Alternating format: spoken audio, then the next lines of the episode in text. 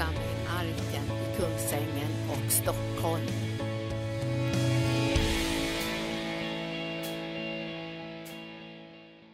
Tack Jesus, vi prisar dig och vi tackar dig för att du är här med din heliga Ande. Vi ser fram emot att du ska tala in i våra hjärtan och väcka en levande tro så att vi förstår vad du vill med våra liv och hur vi ska kunna ära dig och tjäna dig i den här världen. Vi tackar dig Herre för att du ska tala till oss och du ska uppenbara sanningen för oss. I Jesu namn. Amen. Härligt att se er här. Jag, eh, jag, eh, börjar ju, jag har ju varit borta eh, på haft semester på veckor och ehm, man blir... Eh, jag har följt eh, liksom lite grann eh, förkunnelsen här men jag har, inte, jag har försökt att, liksom att tänka att det skulle vara ledigt här. Jag är inte så jättebra på det. Men, men i alla fall, nu är jag äntligen här får säga. Det säger jag själv då. då. Eftersom ni inte sa något. Men jag tänkte, jag tänkte att det var ju så att det är härligt att få vara tillbaka liksom och, och förkunna. Jag, jag känner att det, idag tänkte jag tala om Jesus. Det är eh, konstigt eh, att eh, undvika det på något vis. Men i Matteus evangelium och 14 kapitlet, 11 kapitlet står det väl, 11 ja, så ska vi börja där. Och det är så här att, att eh, om man tänker att man är Jesus nu är ju, tycker ni kanske det är lite konstigt tanke. Den tanken har inte slagit er, men jag, eh, jag tänker så här, alltså, tänk att vara Jesus och eh, komma till den här världen, från den himmelska världen och födas hit ner och vara eh, Guds son och vara okänd. Alltså. Visserligen var det väldigt tumult, men, men det, det, var inte så att man riktigt förstod vad det var. Eh, så man fick ju fly, det var det första man gjorde, man flydde. Och man flydde från Betlehem då, eh, för att komma undan den här galne eh, kungen Herodes som tänkte att jag ska, jag ska mörda alla barn som liksom på något sätt skulle kunna vara den som vill ta makten och vara kungen här i mitt rike. Jag ska, jag ska mörda dem med råge. Så att jag är säker på att jag har träffar också den som, eh, som det gäller fast jag inte vet vem det är. Han visste inte vem det var. Alltså. Det är liksom, man kan säga att det finns eh, Eh, det är liksom en situation som är egentligen för de flesta människor sådana. De vet ju inte vem man är. De vet inte vad han gör och de vet inte vad han vill och, och de vet inte vad han kan och de vet ingenting. Och, och, och får de höra liksom någonting om dem så blir, det liksom, blir de nervösa så här, tycker, känner sig anklagade. Då. Så det skulle inte duga dem med det liv som jag är, har och hur jag lever och vad jag gör. Och jag skulle inte hålla måttet. och så där. Man börjar tänka liksom, liksom negativa liksom tankar kring det istället för att förstå att eh, en, en frälsare har blivit född. En frälsare har blivit född. Alltså. En räddning för hela mänskligheten. Han är blivit född. Och, och, och, så, och vad får man höra om honom? Ja, han är Messias, Herren. Alltså det, det här är så, det var så konstigt. Och ni förstår att det här var så, det här var så konstigt. Att, eh, alltså Josef och Maria de, de, de, visste att det var något speciellt med det här barnet eftersom de fick en sån uppenbarelse om att så barnet skulle födas och de skulle ta emot det här barnet. Men, men, eh, men resten av släkten de visste inte vad det var för ett barn. När eh, Maria mötte Elisabet, alltså som eh, var släkting då, och, och där hon var, då var hon havande med, med Jesus.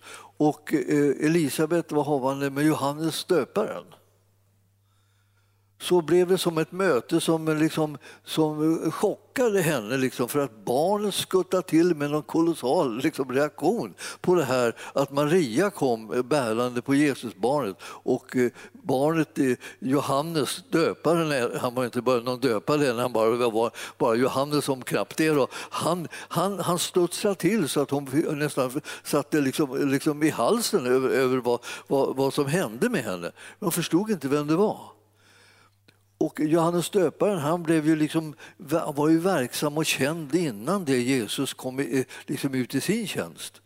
Han, han visste inte vem Jesus var. Alltså, han, han, när han yttrar sig om det här så säger han så här, jag kände honom inte. De var en släkt. De var släkt liksom man, man, tänker så här, vad, vad, konstigt allting var liksom, runt omkring, det här. Vad, vad, vad lite, det var som att det, de levde i olika världar och ändå så var de, eh, tjänade de liksom samma herre. Liksom, och det här. Och jag, alltså, därför när jag tänkte så här, så småningom då eh, när Johannes döparen hade riktigt liksom ställt till det med konflikter och liksom med allt och kastade i fängelse och, liksom, och, och, och var på väg att bli halshuggen. Ja, ja då, då, då, läser vi här i elfte kapitlet i Matteus. Då står det Johannes eh, fick i fängelset höra talas om Kristi gärningar. Och han sände bud till sina lärjungar och, och han frågade honom eh, är du den som skulle komma eller ska vi vänta på någon annan? Alltså, frågade han Jesus via bud. Och, så, och, och, Jesus svarade, gå och berätta för Johannes vad ni hör och ser. Blinda får sin syn, lama går, spetälska blir rena, döva hör, döda uppstår och för de fattiga predikas glädjens budskap. Och salig är den som inte tar anstöt av mig, säger han till Johannes.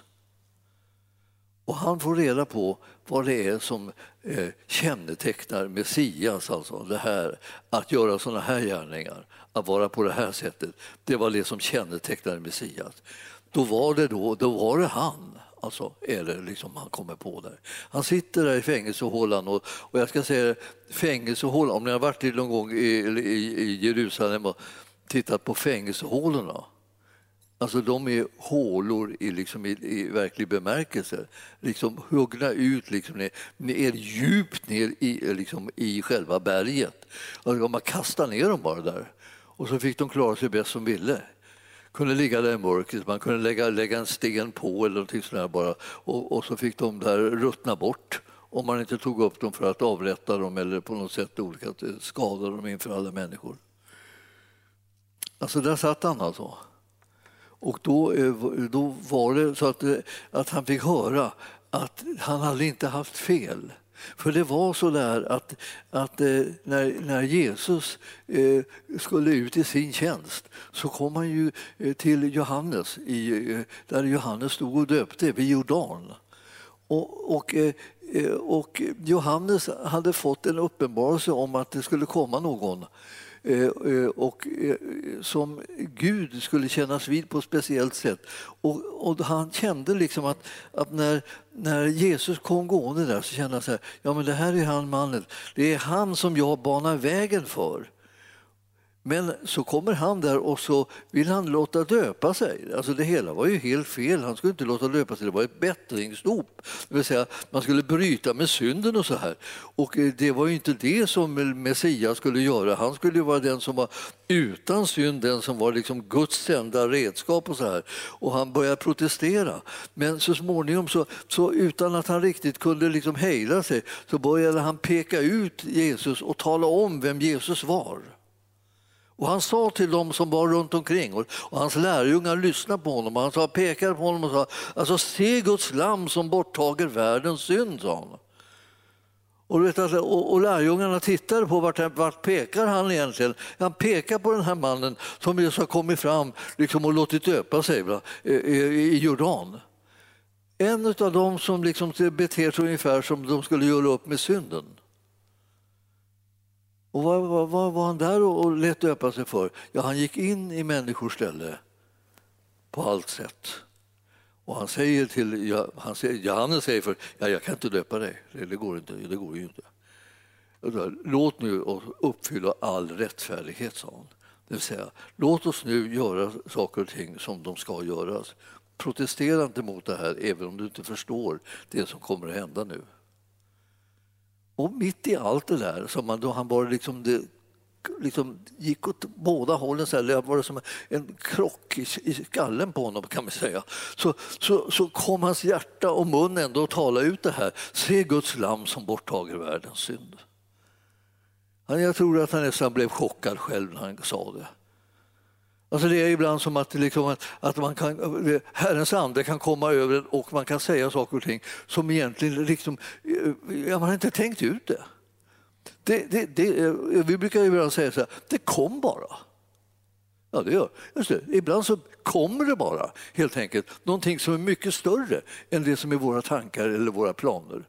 Det kommer någonting från Gud som är liksom en uppenbarelse. Och utan den här uppenbarelsen så vet vi inte riktigt vad det är som sker. Vi förstår inte vad det är som håller på att hända. Och Johannes döparen han hade, han hade det inte lätt med det här. Om vi går till Johannes evangelium och tittar där i början så ska ni se liksom hur, hur, hur det står där med, eh, om honom och hans situation. Alltså, han, han börjar beskriva liksom det här med, med, med Jesus liksom på ett sätt som, liksom, som han inte... Liksom, ja, man tänker, vad, vad pratar han om? Han visste ju inte liksom vem det här var ens en gång. Alltså, att han kände honom inte. De var släkt, men han kände honom inte ändå. Jag, jag tror liksom att det var, det, det var som att de levde liksom skilda liv. Och det här och, ändå så var de liksom redskap i Herrens hand, liksom, var och en liksom på sitt sätt. så att säga. Eh, och, och, så här står det, står det om, om, eh, om Johannes, liksom, att han, han kom som ett vittne för att vittna om ljuset, står det i 1 och 7 i, i Johannes evangelium. Kapitel 1, vers 7. Han kom för att vittna om ljuset för alla skulle eh, eh, komma till tro eh, genom honom. Och så själv var han inte ljuset, men han kom för att vittna om ljuset.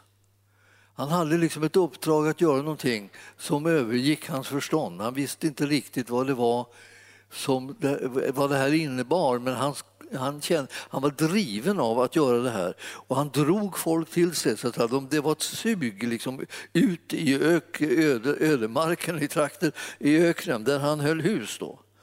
Det sanna ljuset, står det i nionde versen, här, som ger ljus åt alla människor, skulle nu komma till världen. Alltså han som skulle gå in och göra det här, komma med det ljuset och upplysa människorna om vägen, frälsningens väg och bana vägen för dem att bli frälsta. Han var i världen och världen eh, hade blivit till genom honom och världen kände honom inte. Det är jättekonstigt var egentligen. Alltså, eh, han, alltså, han var här i världen och, eh, och världen hade till och med blivit till genom honom för han var det skapande ordet också. Och så står det, och världen kände honom inte. Världen kände honom inte.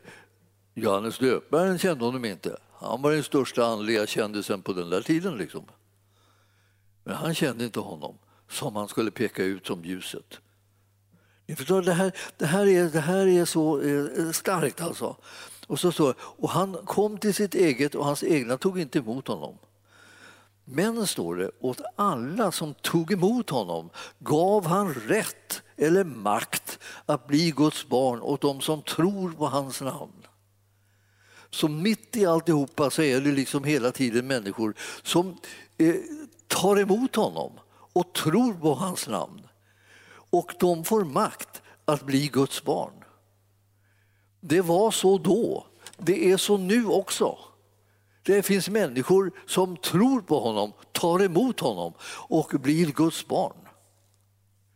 Och de flesta av oss kanske har redan gjort detta. Då.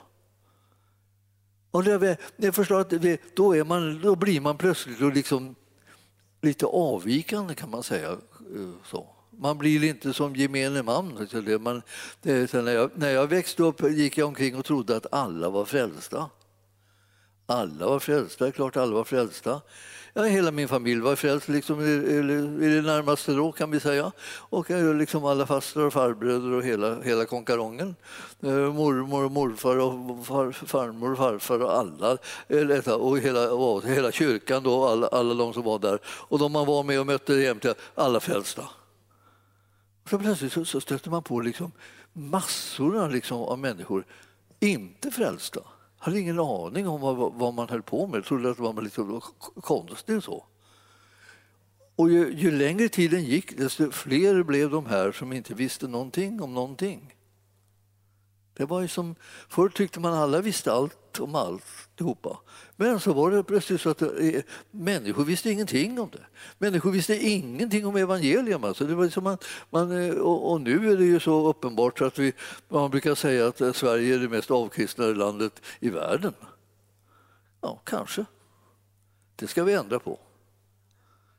Men du vet att det finns ju någonting som handlar om uppenbarelse. Det finns någonting som handlar om vad är det som gör att man ser att det som andliga som vi håller på och tror på, den Jesus som vi följer, vad är det som gör att andra människor kan se att han är verklig? Ja, det är någonting som kan synas bland oss. Det. Och syns det inte bland oss så syns det inte alls. Och jag tänkte ibland så här, men, men milde tid, så här, det, här är, det här är ju eh, väldigt, väldigt viktigt alltså. Alltså, de som tror på det här sättet och blir Guds barn, de är födda eh, eh inte av blod eller av köttets vilja utan, eh, eller av någon mans vilja, utan av Gud är de födda. Det, vi har blivit födda av Gud.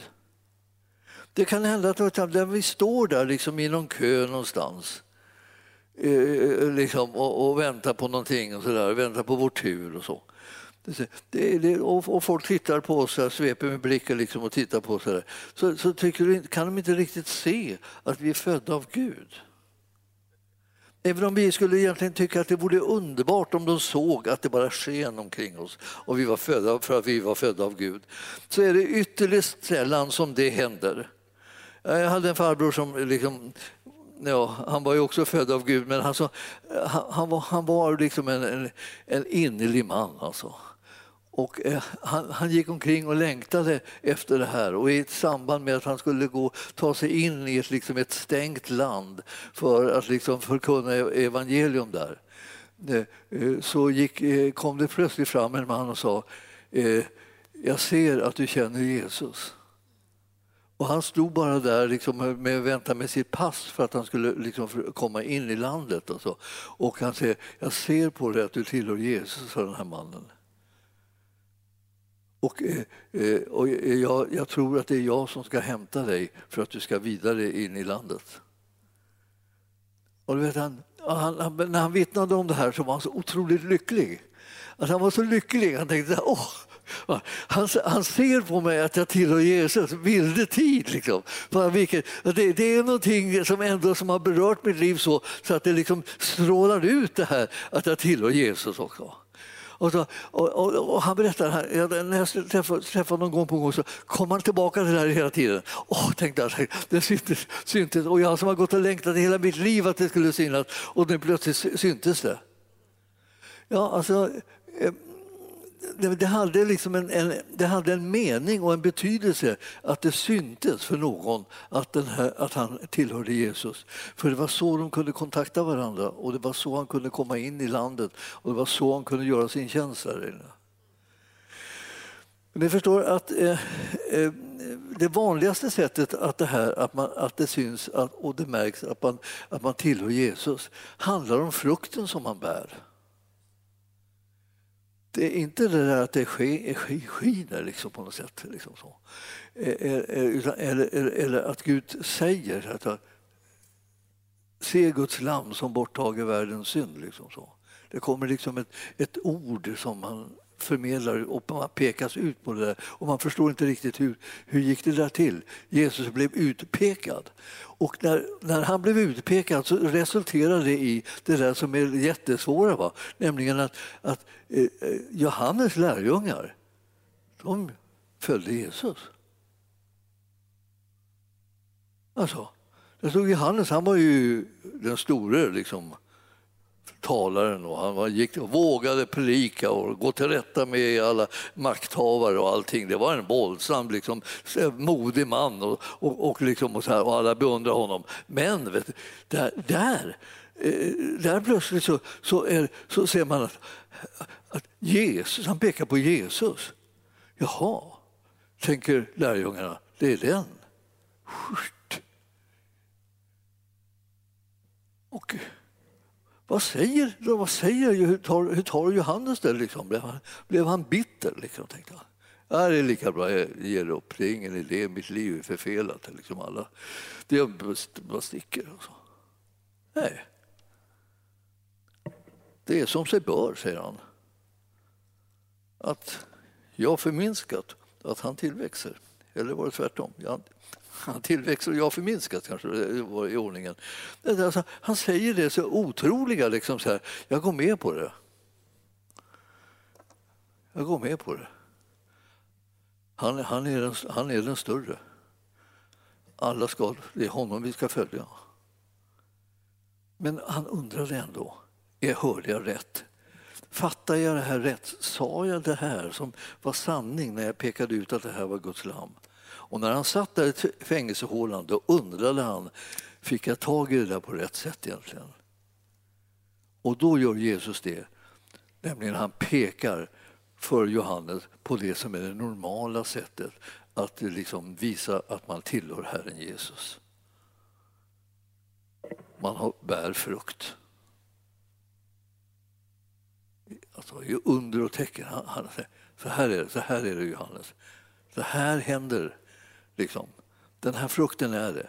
Och då när, han, när, vi, när vi läser det där i, i det där elfte kapitlet i, i Matteus där, så, så, så stod det ju så här att säg till Johannes så vad ni hör och ser. Blinda får sin syn, lama går, spetälska ska bli rena, döva hör, döda uppstår, för fattiga predika glädjens budskap. Det är frukten som Jesus har i sitt liv. Då vet han, ännu säkrare, att det var rätt alltså. Han har inte misstagit sig. Han sitter inte i den där fängelsehålan bara därför att han liksom flykt, fick hörde en röst som inte var rätt röst och så liksom hamnade han i liksom konflikt med, liksom, eh, med, med, med makthavarna och därmed så var hela eh, livet förstört och nu var han liksom färdig till att halshuggas. Har jag, fick jag allt om bakfoten? Jesus säger du får, du får höra vittnesbördet igen. Ja, den här frukten kommer utifrån mitt liv. Jag är den som skulle komma. Du har, du har, du har sagt rätt. Du pekade på mig och det var rätt.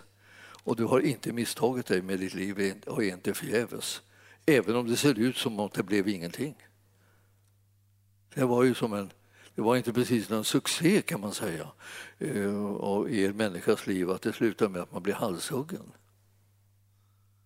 Men han uppfyllde precis det som han skulle göra och han banade väg för Jesus och han fick människorna att följa honom. Och det var ju det som var uppdraget.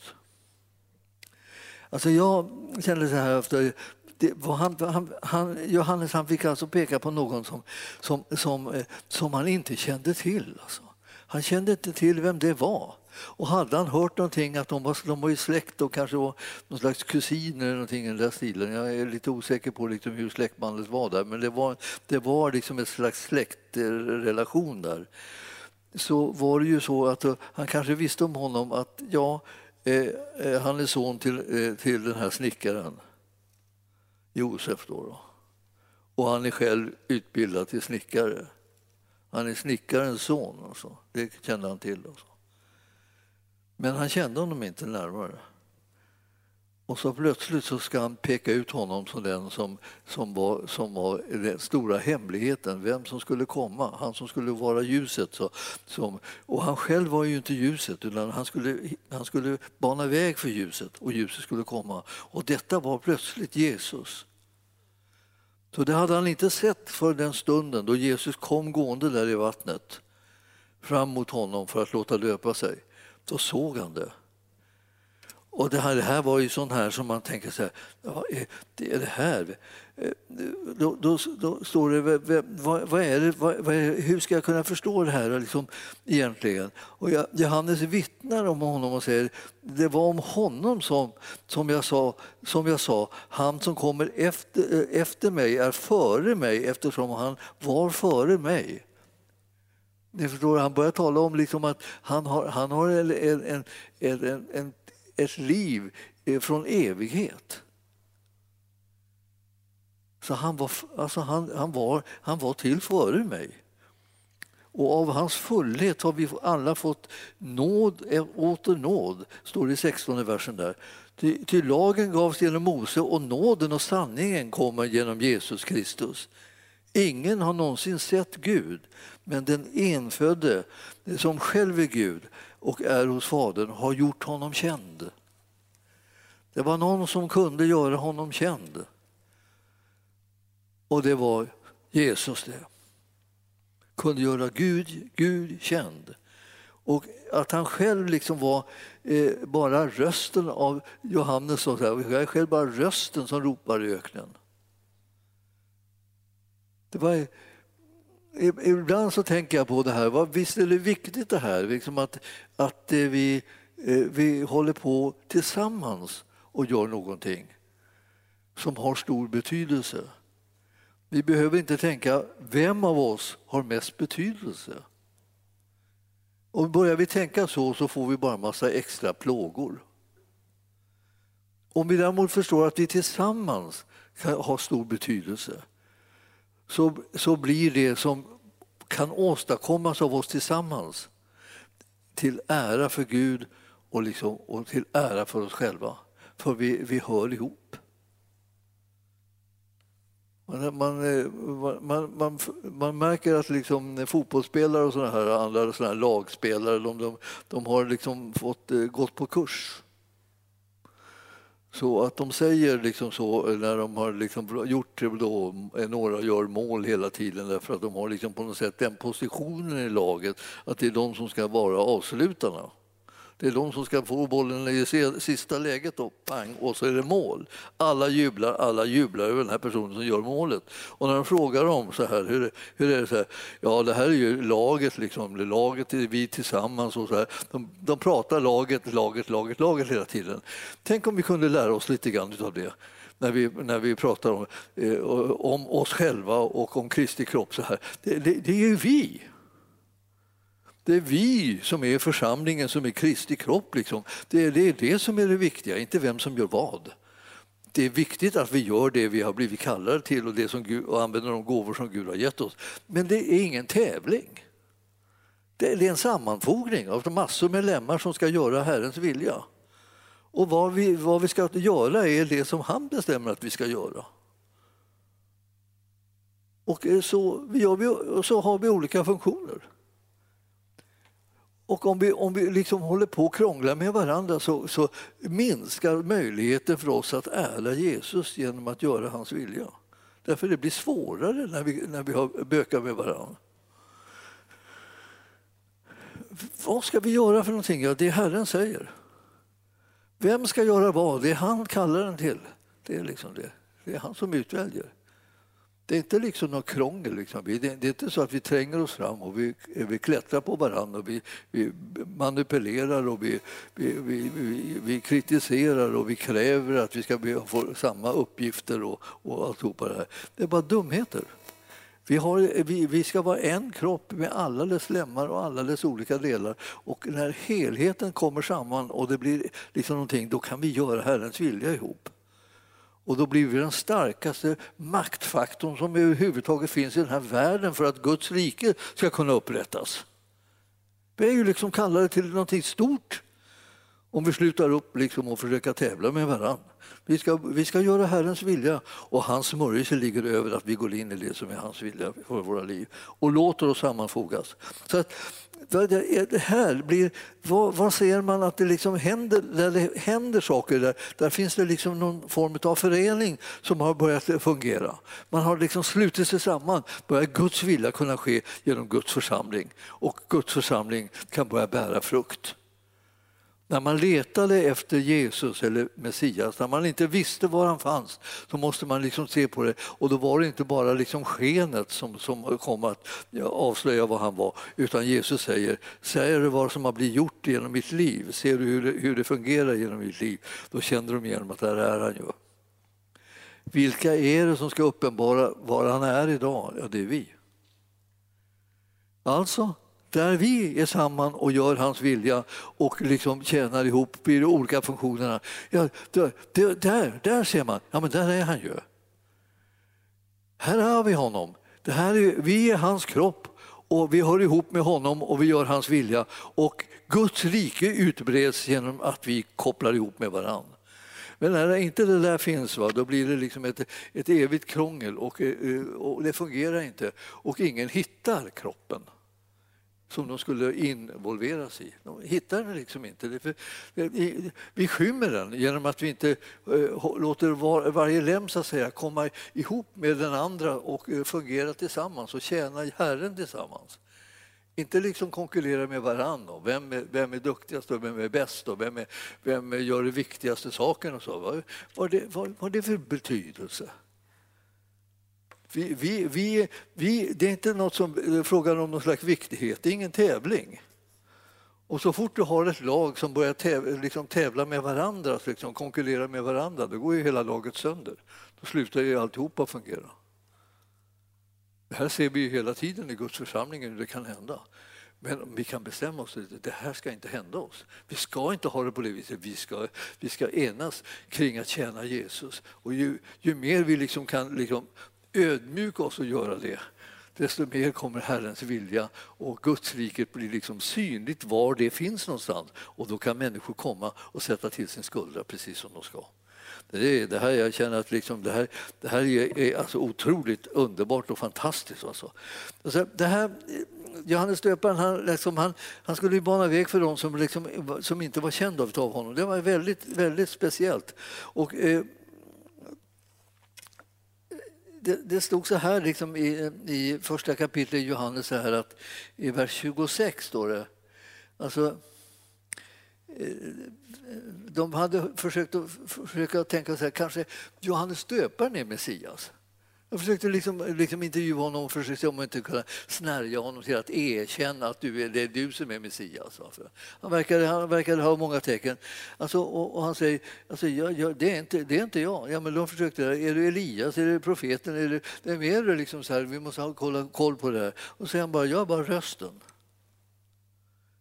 Och Johannes svarar dem så här, jag döper i vatten, men mitt ibland er står en som ni inte känner. Det är, liksom, det är det här igen. Alltså. alltså Jesus var okänd. Alltså. Och, eh, eh vi kunde säga vi kunde nästan ställa oss var som helst i världen. Bland världens barn och så säga så här. Mitt ibland er står en som ni inte känner. Och det är sant, och så är det. Han är mitt ibland oss alltså. Men eh, man känner honom inte. Man vet inte vem han är, man vet inte vad han kan och man vet inte vad han har gjort och man vet inte liksom vilken, vilken, vilken frälsare som hela mänskligheten har fått. Så man eh, tar inte emot honom därför att man, eh, det är helt okänt. Liksom. Och, men men jag, eh, plötsligt, alltså, när, när vi, här i vers 28 står det så här, att han börjar tala om liksom att eh, eh, det här att jag döper, jag är inte ens värdig att eh, knyta upp remmen på hans sandaler, säger Johannes döparen där. Alltså han, han var, kände sig ödmjuk vid det här, när, när frågan om vem, vem Jesus var, vem, vem han var. Vilken skillnad det var ändå.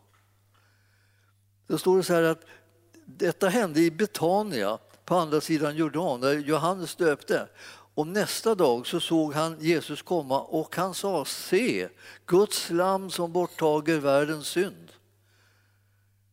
Och, och det var om honom som jag sa, efter mig kommer det en man som är före mig, han var före mig. Och jag kände honom inte, men för att han skulle uppenbaras för Israel har jag kommit och döper i vatten. Och han säger så här, jag såg eh, anden komma som en duva från himlen och bli kvar över honom. Och jag kände honom inte, står det i vers 33 igen.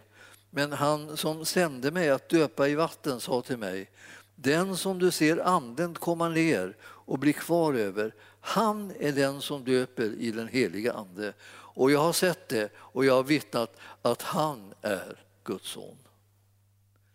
Det kom, så han fick en uppenbarelse och en vägledning i det här. I det naturliga hade han ingen aning om vad det här var. Och så fick han liksom en vägledning utav Herrens ande. Att det, så här är det. Eh, det kommer en eh, som när han eh, blir döpt så kommer Herrens ande att komma över honom. Och ni vet att Herrens ande kommer över oss därför att han rustar oss till tjänst. Det är inte en, det är inte en upplevelse, det är en, en, en, en utrustning för tjänst.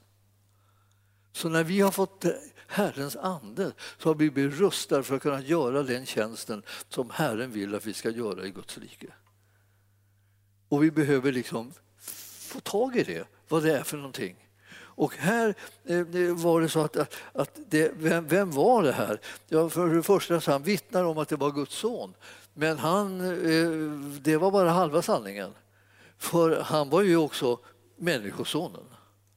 Han var den som skulle representera människorna och gå in och ta på sig med all mänsklig synd och dö för den. För att hela mänskligheten skulle kunna bli förlåten och försonad med Gud.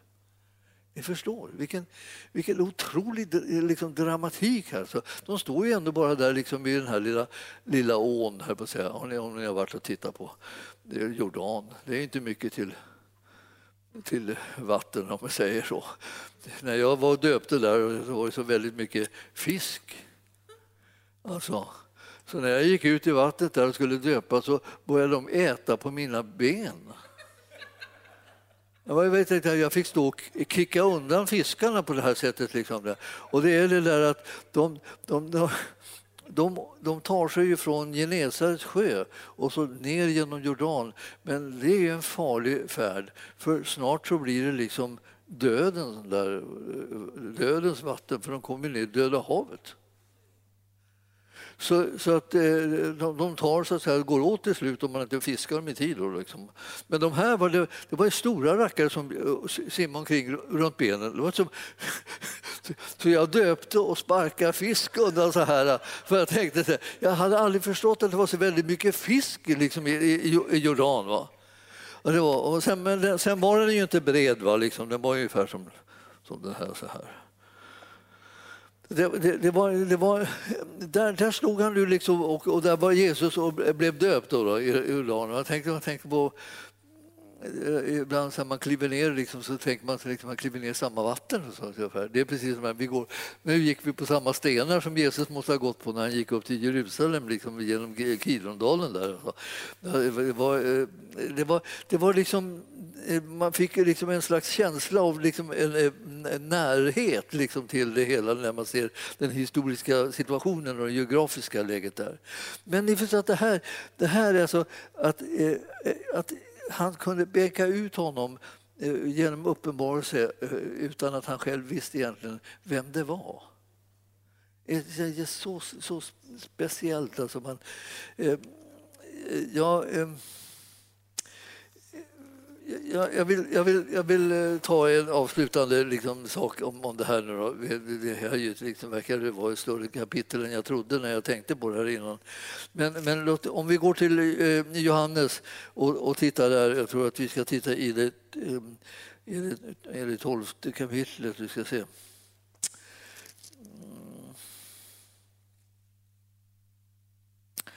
Mm. Eh, jo, Eh, tolfte, tolfte kapitlet eh, och eh, det blir 40, 49 versen och 50 versen. Då, då, då är det Jesus som talar där. Och han säger alltså vad jag har blivit vad jag får uppdrag att göra här på jorden. Alltså, ja, mitt uppdrag är att tala ut de sakerna som Fadern har eh, talat och sen att göra de gärningar som Fadern gör. Det är det som är mitt uppdrag. Alltså det är hela tiden så här att han var beroende av det. Johannes hade gjort saker och ting och talat ut saker och ting som han också hade hört ifrån himlen. Och, och nu kommer Jesus han säger att jag, jag, jag har gått in under samma liksom förhållande och samma beroende utav att höra från himlen för att det här som ska sägas nu ska bli det rätta som sägs. För jag står här som, som människornas representant och jag har inte talat om mig själv, säger han i vers 49 där, 12 och 49 utan Fadern som har sänt mig har befallt mig vad jag ska säga och tala. Så var det ju. Och eh, jag, vet att hans befallning eh, är evigt liv. Och vad jag talar, det talar jag så som Fadern har sagt mig. Så att det var liksom det som satte sin prägel på det. Vad är det han säger sedan liksom i sitt liv? Ja, han talar det som är ekot så att säga, som kommer från Fadern. Från himlen kommer det och det är de orden som han talar ut. Och i 14 kapitlet så, så, så eh, har vi ytterligare någonting eh, som, som ska, ska beskriva den här, den här eh, eh situationen. Och det är från tionde eh, eh, versen där. Alltså det var ju så här att, att eh, eh, man, man, Filippus hade frågat, liksom, eller bett så här, om Herre, låt oss få se Fadern så räcker det för oss. Alltså, det var liksom, man tänkte så här, ja, det, var så, det, det, var jätteviktigt att få se Fadern, men han hade inte förstått vad det var som Jesus var för någonting. Jesus var den som uppenbarade Fadern. Jesus var den som de behövde se. Och då säger han så här, Jesus då, och så, här länge säger han i nionde versen, i 14 och 9, alltså Johannes. Så här länge har jag varit hos er och du har inte lärt känna mig, Filippus. Den som har sett mig har sett Fadern. Hur kan du säga låt oss se Fadern? Hur kan du ge dig till liksom, att söka Fadern när du egentligen har, eh, ser att jag är, är sänd hit? Det är jag som är uppenbarelsen av Fadern. Ja, men, jag, jag tror du eh, inte att jag är i Fadern och att Fadern är i mig, säger Jesus. Eller tror du inte det? Förstår du inte det här? Liksom? De ord som jag har talat till er talar jag inte om mig själv. Fadern förblir i mig och gärningarna är hans verk. Jesus säger så här, ja, jag är inte, håller, håller inte på med någonting annat än det Fadern. Jag och Fadern är ett. Och vi frågar ibland, vem är störst? Vem är viktigast? En fullkomligt, fullkomligt meningslös fråga när, när vi pratar om treenigheten. Den är inte, treenigheten består inte av någon slags kamp om vem som har makten och vem som är störst och vem som är viktigast, utan det de är ett. Och vi kan inte förstå, liksom, ja, men de är ju tre, liksom, de måste ju säga vem är fadern? Ja, måste vara hög. Fadern måste vara större och viktigare än sonen för att måste, sonen måste vara under. Och så ja, det där är det där bara mänskliga tankar. Jesus säger, har du inte förstått det här? Här står det ju. Liksom. Att vi är så. Jag är i Fadern, Fadern är i mig. Vem blir störst då? Ingen. Och så de ord jag talar till er, de talar jag inte om mig själv. Fadern förblir med och gärningarna är hans verk. Så det jag gör är ju liksom Faderns verk. Ja.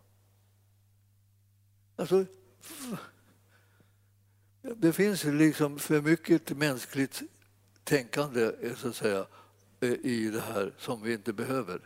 Vi behöver se att Jesus och Fadern är ett. Den heliga Ande alltså, utgår från Fadern och Sonen. Det är så det är. Ett. Och därför så, så, så, känns det så här så härligt. Alltså, eh, eh, det är inte det är inte möjligt att, säga, att separera dem på något sånt här sätt i treenigheten som man liksom regraderar, liksom sätter en högre och så lägre och så lägre. Och då brukar den heliga Ande handla lägst. Då, då.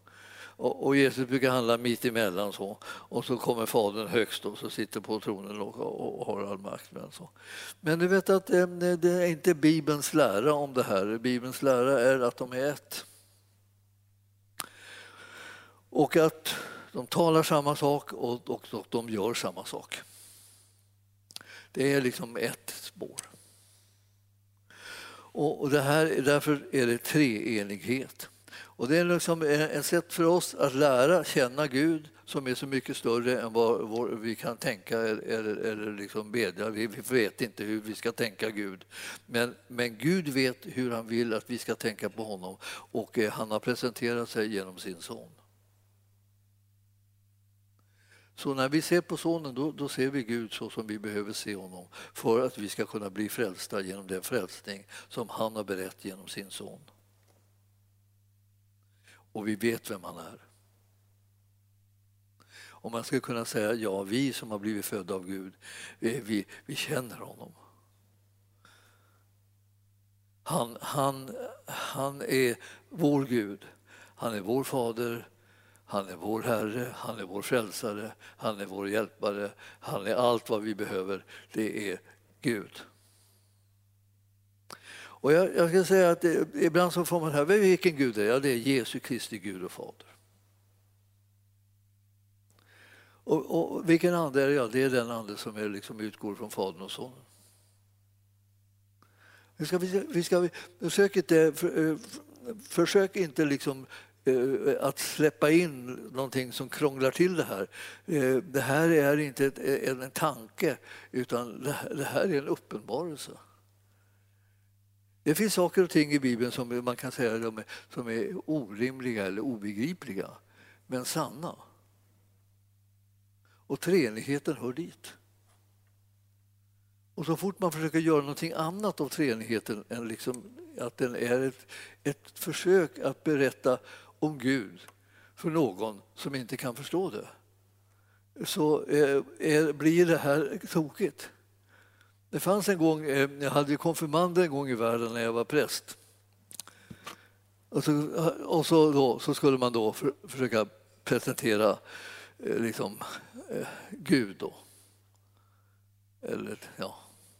Jag, jag tänkte, frågan liksom ungefär, hur svårt, hur svårt är det inte att presentera Gud för en människa.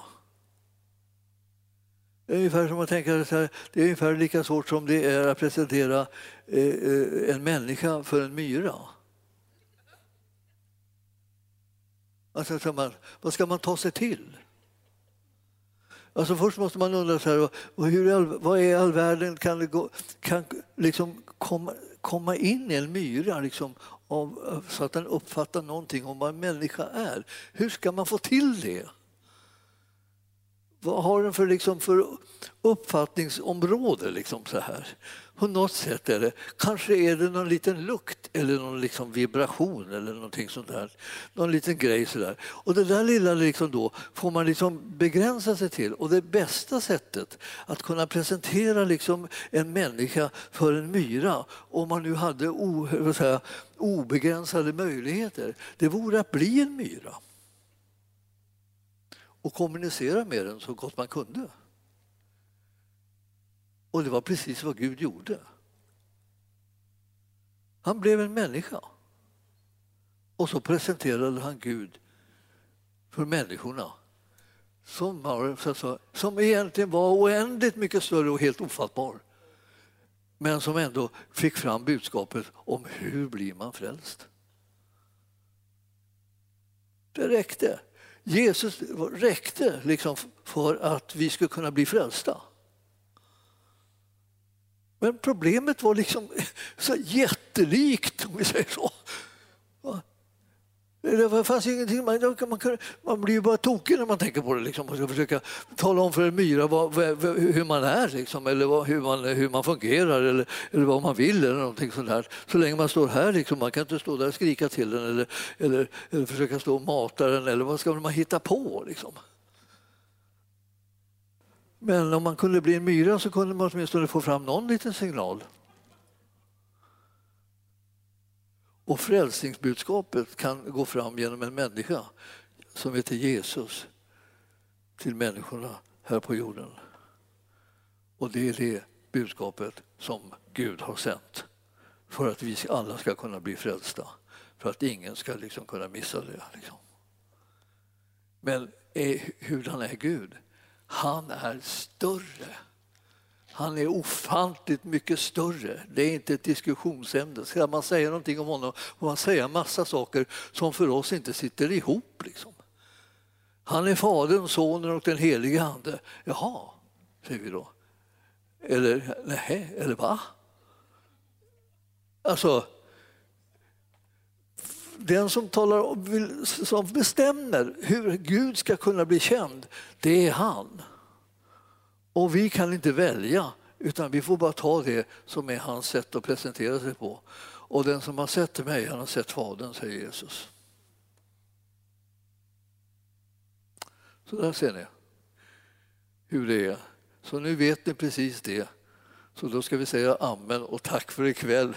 För nu har ni fått en uppenbarelse. tack Jesus, vi tackar dig Herre för att du är mycket större mycket större och har gjort en sån fantastisk gärning att du har frälst oss. Fastän vi inte förstår hur det har gått till och fastän vi inte förstår hur vi och har någon koll liksom på dig. Men vi, vi, vi litar på att du har koll på oss. Tack Herre för att du har räddat oss. Du har räddat oss och vi behöver inte gå förlorade utan vi har evigt liv. Och vi kommer att få lära känna dig på ett helt annat sätt i en helt annan värld. Och vi ser fram emot att få möta dig. Tack för att du är så god och tack för att du har en så väldig makt och styrka. Tack Jesus för den kärlek som du har bevisat oss när du dog för oss medan vi ännu var syndare. Vi vet att det är helt övernaturligt och din godhet känner inga gränser. Och vi vill bara prisa, lova och tacka dig för det. I Jesu namn. Och församlingen sa Halleluja. Tack Jesus. Tack för att du har lyssnat.